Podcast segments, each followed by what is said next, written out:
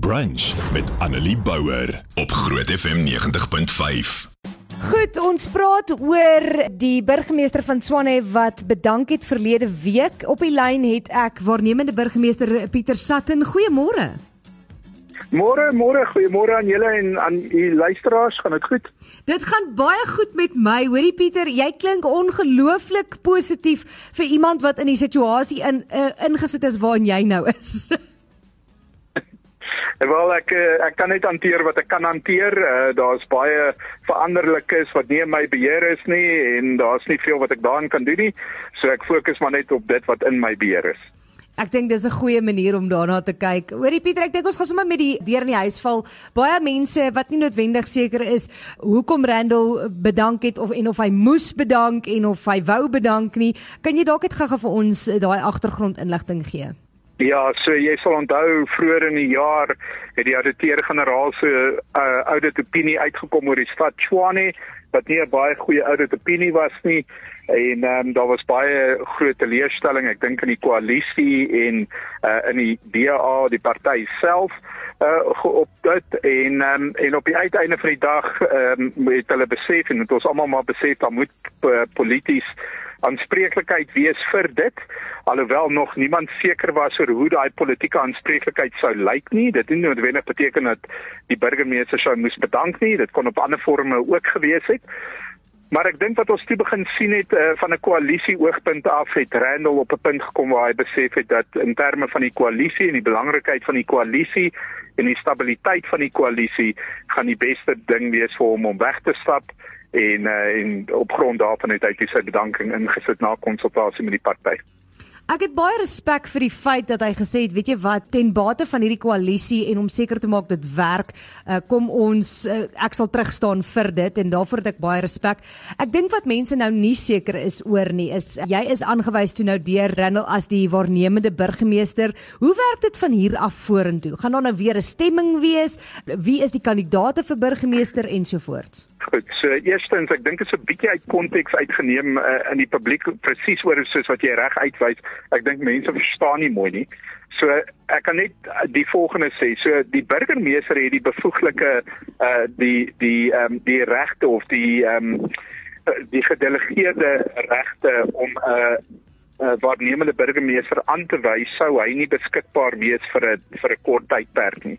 Vir jy weet as hy byvoorbeeld op 'n oorsee se besoek moet gaan of vir wat sê hy siek of enige so so rede.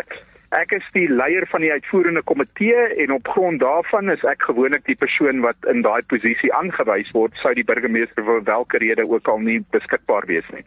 In die laaste jaar het ehm um, het die burgemeester my menigte male aangewys as waarnemende burgemeester vir kort periodes vir die redes wat ek vroeër uitgewys het.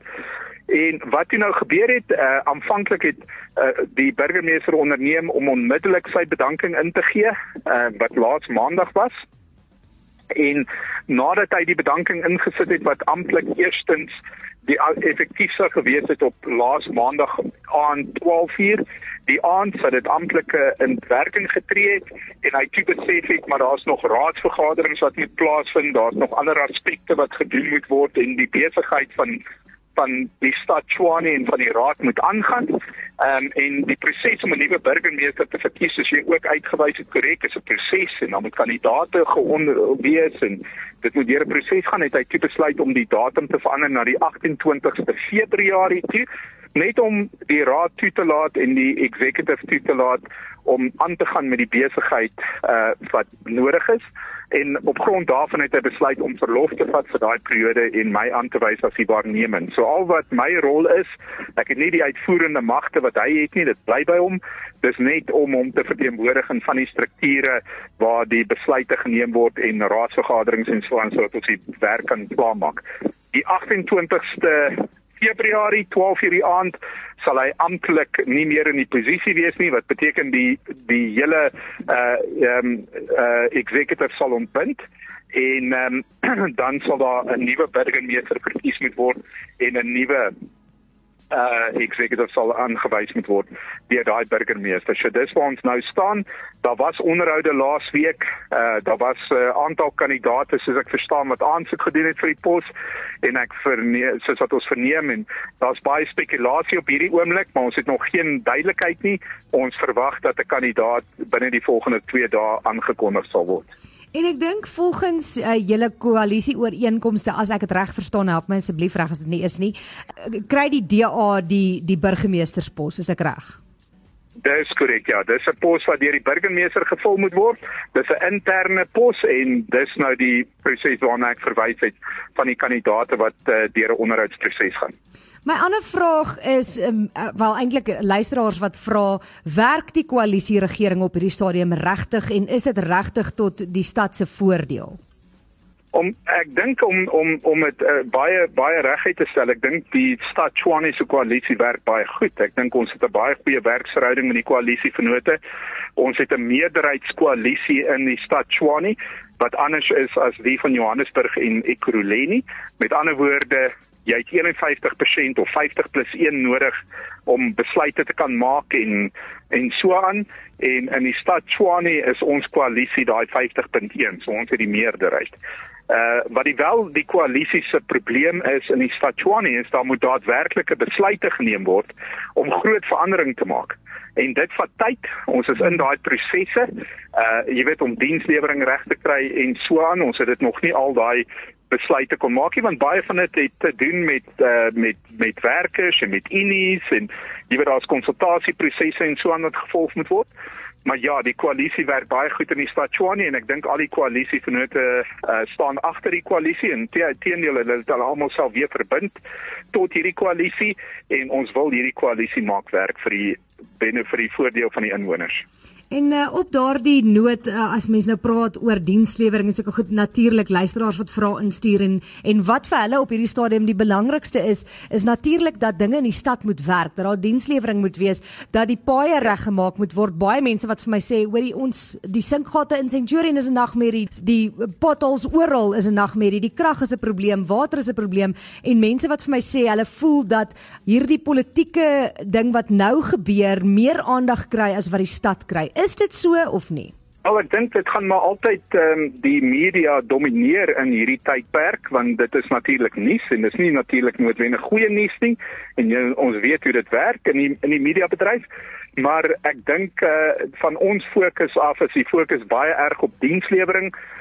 Ehm um, wat baie belangrik is wat ek dink uh, jy weet ek net kan noem en ons het nie genoeg tyd om nou daaroor te praat nie maar soos ek uh, na verwys het daar moet daadwerklike veranderings gemaak word in hoe ons na dienslewering kyk in die stad.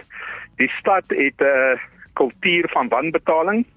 Boop dit het ons 'n verskriklike groot salarisrekening uh, van 1 miljard rand 'n maand.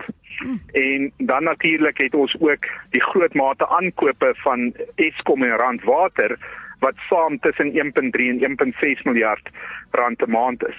En die werklikheid van die stad Tshwane is ons kry net 3 miljoen rand, ag 3 miljard rand, my ek vra om verskoning, 3 miljard rand kontantvloei in 'n maand. Nou as jy die 3 miljoen eh, die 3 miljard kontantvloei vat en jy vat die salarisrekening, jy vat die groot mate aankope, dan staan jy op 2.3 miljard rand vir die vir die maand. Uh van daai van daai kontantvloei. En dis waarna ons verwys. Die salarisrekening is uitproporsioneel uh heeltemal uit verband uit in terme van wat die inkomste is van die stad en dit moet in lyn gebring word. En dis waarna ek verwys wat ek gesê het, ons weet wat gedoen moet word. Ons moet net die prosesse volg want dit is nie 'n uh, 2 of 'n 3 week proses om hierdie goed reg te stel nie. Uh dit is prosesse wat gevolg moet word in terme van nasionale wetgewing, nie net wenig ons eie wetgewing nie en ons moet deur daai prosesse gaan. Maar ons is verbind tot dit en ons is verbind om dienslewering reg te maak en die beginsel van die multipartytjie koalisie in die stad Tshwane is inwoners betaal vir dienslewering en hulle moet dienslewering kry.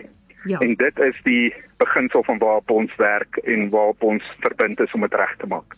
Hoorie Pieter, ek weet jy's baie besig. Net een laaste vraag wat ek vir jou het en dit is op hierdie stadium as daar nou 'n nuwe burgemeester gekies word, natuurlik is die koalisie regering steeds in beheer. Vir hoe lank kan ons dan uitsien na hierdie koalisie regering wat saam gaan staan en hopelik die stad gaan regkry?